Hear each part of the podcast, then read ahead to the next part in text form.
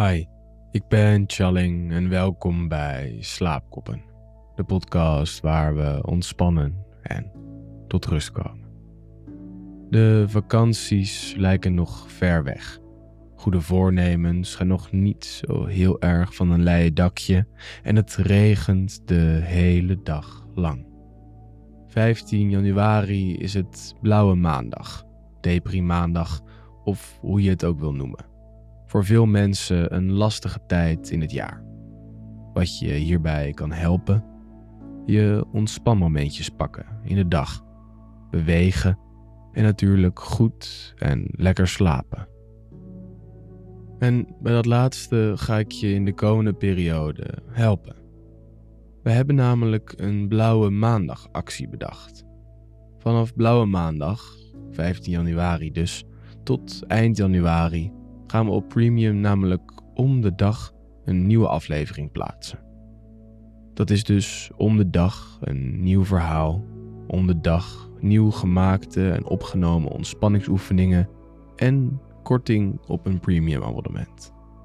Je krijgt namelijk in de gehele blauwe periode tot maart 50% korting op de eerste drie maanden van je lidmaatschap. Ons steentje om jou te helpen meer ontspannen deze periode door te komen. En op die manier kan jij jouw steentje bijdragen aan de podcast. Ga naar de Petje Af pagina van Slaapkoppen. Die kan je vinden in de beschrijving. Neem je petje af per maand en voer de code blauw in alleen maar hoofdletters in. Alleen op die manier kan je gebruik maken van de korting. Vanavond vertel ik je een geinig en eigenlijk een beetje een vreemd verhaal. Maar luister goed en misschien vind je wel een verborgen boodschap. In Appelflapland woont een mannetje dat constant hele bijzondere winden laat. Ze ruiken heerlijk naar appelbloesem. De koning vindt het echter maar niks, want alle onderdanen vallen steeds in katzwijm door deze winden. Hij bindt het windemannetje aan een boom, maar daar raken zelfs de natuur en de seizoenen van slag. Voor ik je dit verhaal vertel, gaan we samen eerst ontspannen door al onze ledematen één voor één uit te zetten. Maar voordat we dat gaan doen, gaan we eerst een paar keer even gewoon rustig en diep ademhalen. In door je neus en uit door je mond.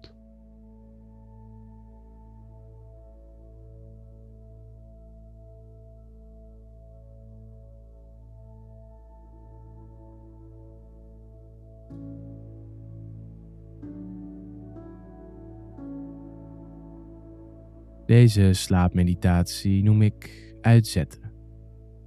We gaan namelijk straks alle delen en spieren in ons lichaam langzaam uitzetten om zo volledig te ontspannen. Oké, dan gaan we nu beginnen. Neem een keer diep adem. In door je neus en uit door je mond. En ga even echt lekker liggen.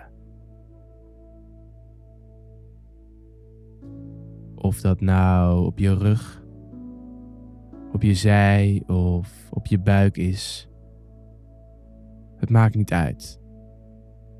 Als je maar lekker ligt.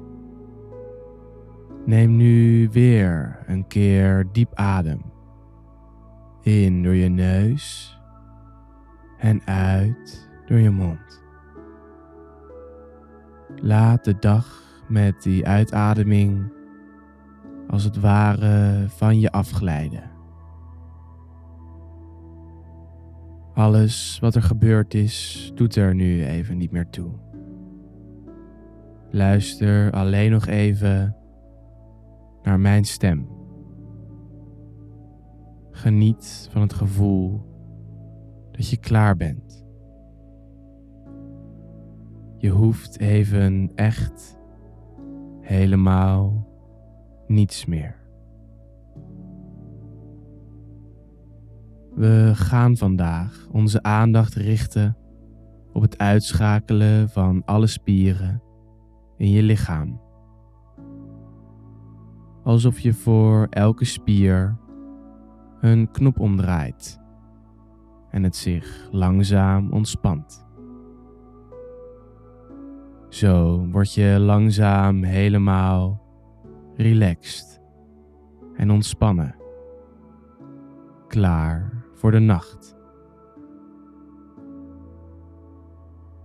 Dus beginnend helemaal bij je tenen, stel je je voor dat je je spieren langzaam uitzet. Bij je voeten. En daarna je wreef. Al die spieren gaan langzaam uit. Hetzelfde geldt voor je kuiten. Alle spanning vloeit langzaam weg terwijl je spieren zich ontspannen. Ze uitgeschakeld worden. Ook in je bovenbenen vloeit alle spanning langzaam weg, terwijl je je spieren uitschakelt.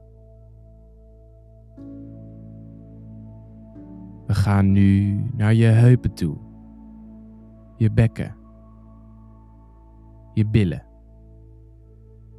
En opnieuw zet je al die spieren langzaam uit. Helemaal in rust. Alles van je middel naar beneden is nu volledig ontspannen en zwaar. De spieren in je onderrug en je buik schakelen zich nu ook uit. En daarna ontspan je ook de spieren in het bovenste gedeelte van je rug en je borstspieren. Je schouders worden heel zwaar en ontspannen zich compleet. Je boven- en onderarmen zakken nu ook dieper en dieper je matras in, want ze zijn zwaar en moe. En ook je handen en je vingers schakelen helemaal uit. Spieren rond je keel en je nek worden nu ook langzaam zwaar en ontspannen volledig. Je hoofd, je kaken en alle kleine spiertjes in je gezicht worden zwaar en ontspannen allemaal. Alle spanning in je lichaam is helemaal weggesmolten. En je bent rustig, klaar voor een goede nachtrust. Gedachtes komen en gaan. En je geeft je hoofd en je lichaam de ruimte om rustig in slaap te vallen. Je neemt nu nog een keer diep adem. In door je neus en uit door je mond. Je bent helemaal ontspannen. Klaar om heerlijk in slaap te vallen.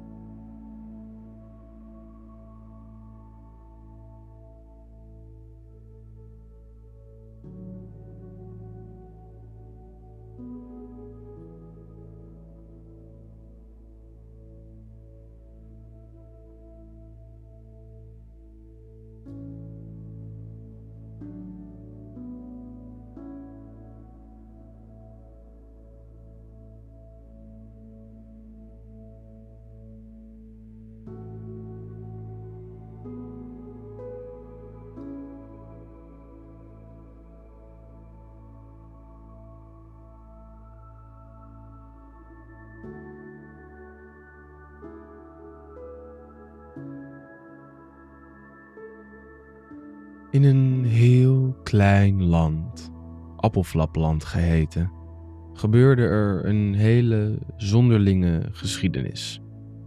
De bewoners leefden er alleen van appels.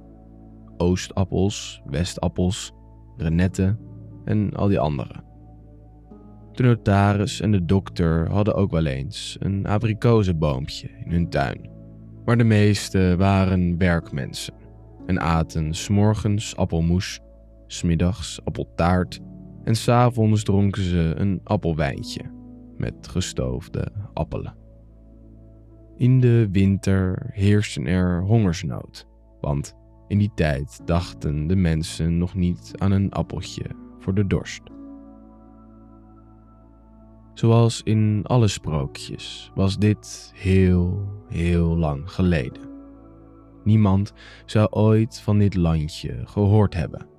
Was het niet voor dit eigenaardige kereltje waar dit sprookje over vertelt? Het mannetje woonde in een eenvoudig klokhuisje. Op het eerste gezicht leek hij een heel normaal mens te zijn. Maar hij kon hele speciale windjes laten. Geen vieze winden zoals die van de boeren, maar hele lichte die op de koop toe naar appelbloesem roken. De mensen hadden hem dan al gauw de bijnaam het windemannetje gegeven. Vooral de kinderen speelden graag in zijn buurt en als hij er een liet vliegen, voelden zij zich zo bedwelmend gelukkig en zagen overal regenboogkleuren. De winden van het windemannetje waren zo licht dat zijn ganse klokhuisje aan het zweven ging als hij een tijdje binnen zat. Dan zette hij het raam op een kiertje en daalde het huisje weer zachtjes op de begane grond.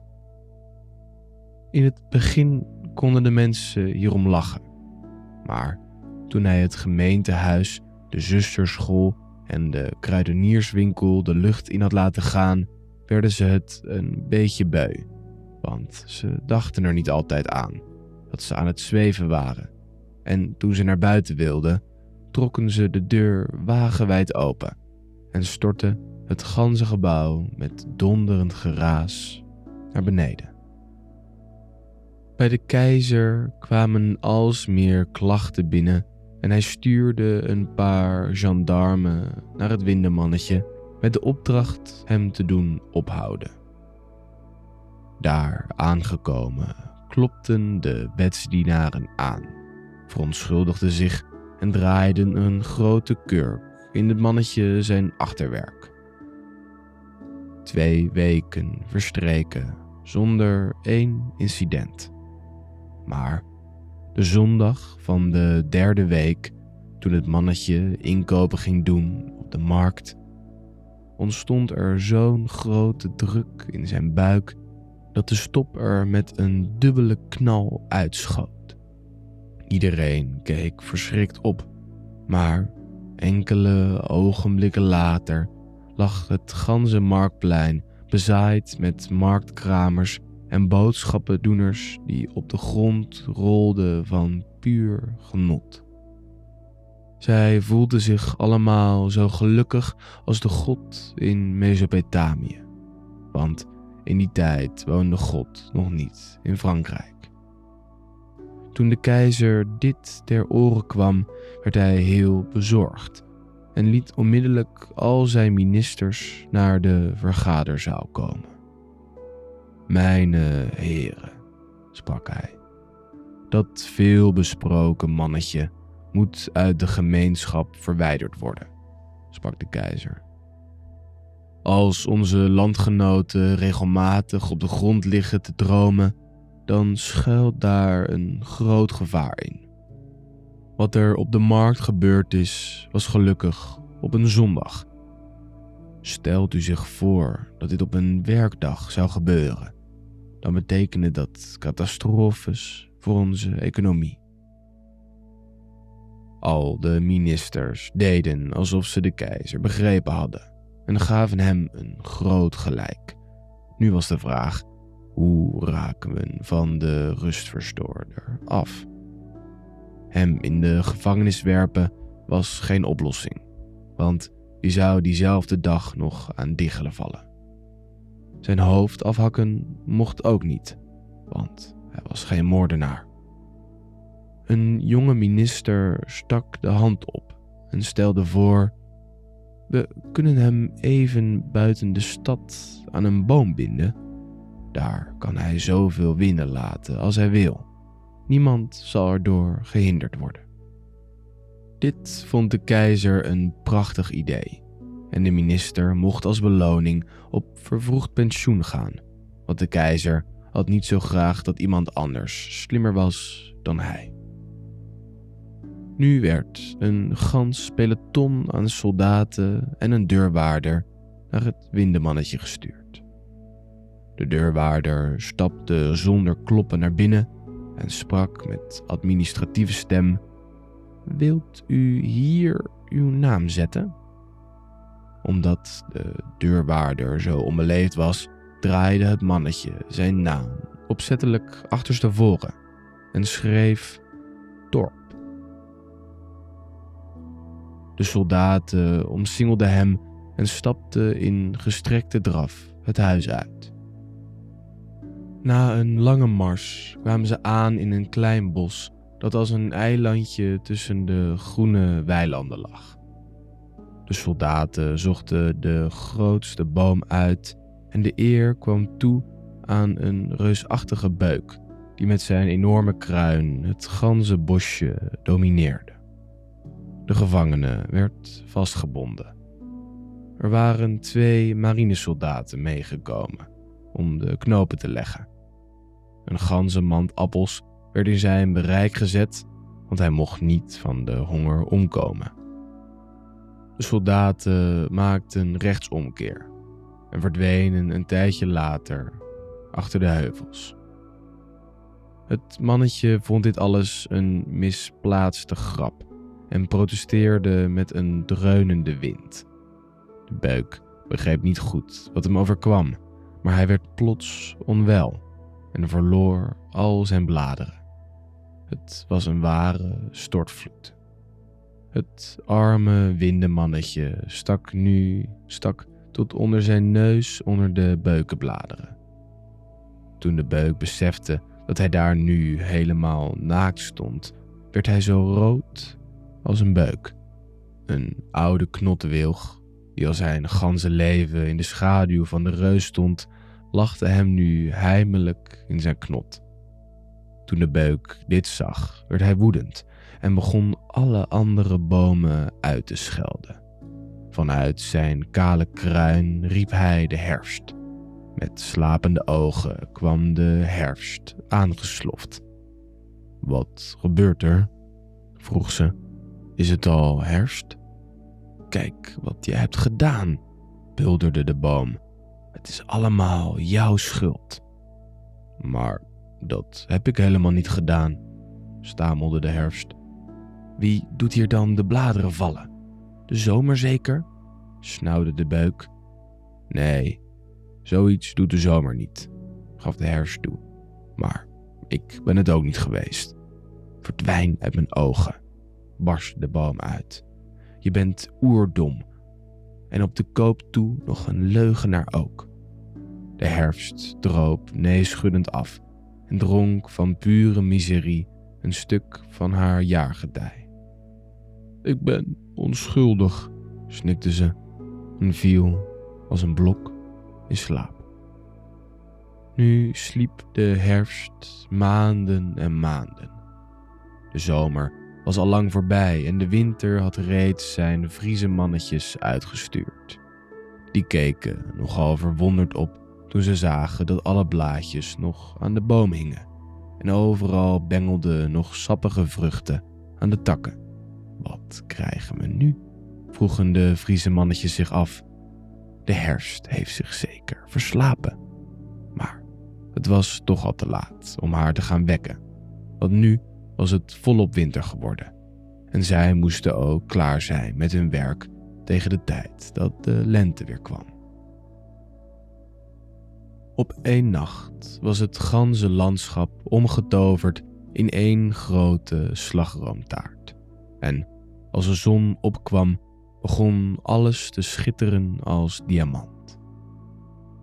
Toen de winter dit zag, was hij zeer tevreden over zijn Vriesemannetjes.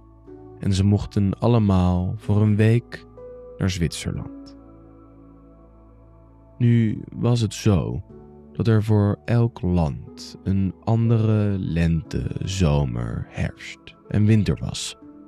En daar hadden de herfsten wel degelijk hun taak vervuld. Er heerste overal hongersnood, nu het winter was geworden. Toen de keizers van de naburige landen te weten kwamen dat er in Appelflapland nog fruit genoeg was, stuurden zij kooplieden uit om daar appels te gaan kopen. De appelflaplanders plukten en verkochten duizenden kilo's aan appels. Zo hard hadden ze nog nooit gewerkt en zoveel belastingen hadden ze nog nooit betaald. De schatkist raakte zo vol dat er een tweede moest bijgemaakt worden.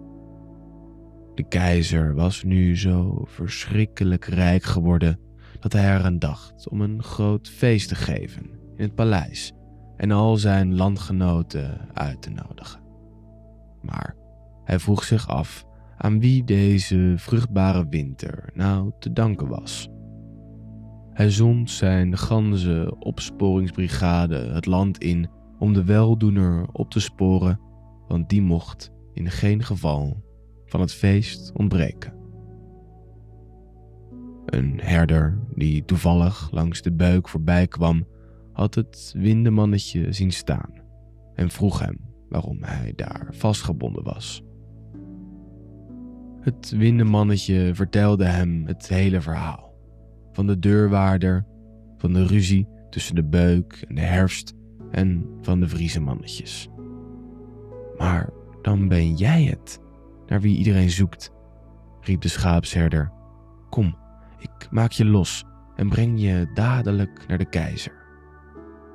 Met open armen werden ze ontvangen in het paleis en het grote feest kon beginnen. De vrouwen van de vooraanstaanden werkten met hun ellebogen om zo dicht mogelijk bij de beroemde held te zitten. En de prinsesjes keken hem met verliefde blikken aan. De boeren dansten de polka met de vrouwen van de ministers en de ministers op hun beurt walsten met de boerinnen. De hele nacht werd er gesmuld en gedronken. Een ware braspartij was het. En niemand merkte dat het ganse paleis heel hoog tussen de wolken hing.